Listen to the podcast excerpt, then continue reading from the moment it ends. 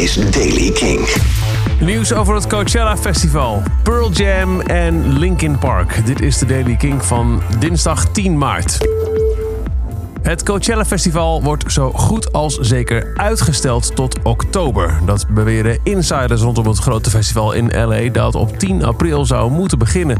Het festival met onder meer Travis Scott, Rage Against the Machine en Frank Ocean is wereldwijd een van de allereerste grote festivals van het jaar. Maar je raadt het al, ook daar zou het coronavirus toch iets te veel risico vormen. En dus wordt er nu volgens insiders beweerd, kun je elk moment de aankondiging verwachten dat het uh, niet wordt afgelast, zoals South by Southwest, maar uitgesteld. Er zou worden gekeken naar een vervangende datum voor de twee weekends in oktober.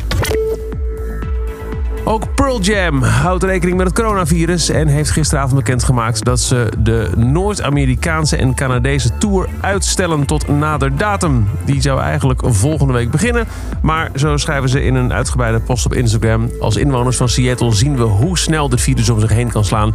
It's been brutal, it's gonna get worse before it gets better. En dus met pijn in het hart.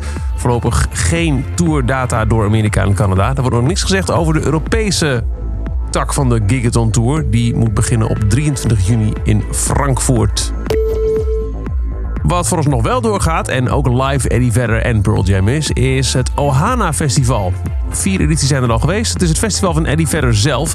En de vijfde staat voor ons nog gepland voor het weekend van 19 en 20 september in Ashbury Park in New Jersey staan uh, naast Eddie Vedder zelf, die doet het elke dag namelijk een solo set. Nu op de van Pearl Jam, Kings of Leon, The Pretenders, My Morning Jacket, Maggie Rogers, Mac DeMarco gepland. En Linkin Park wil dit jaar het 20-jarige jubileum van Hybrid Theory vieren.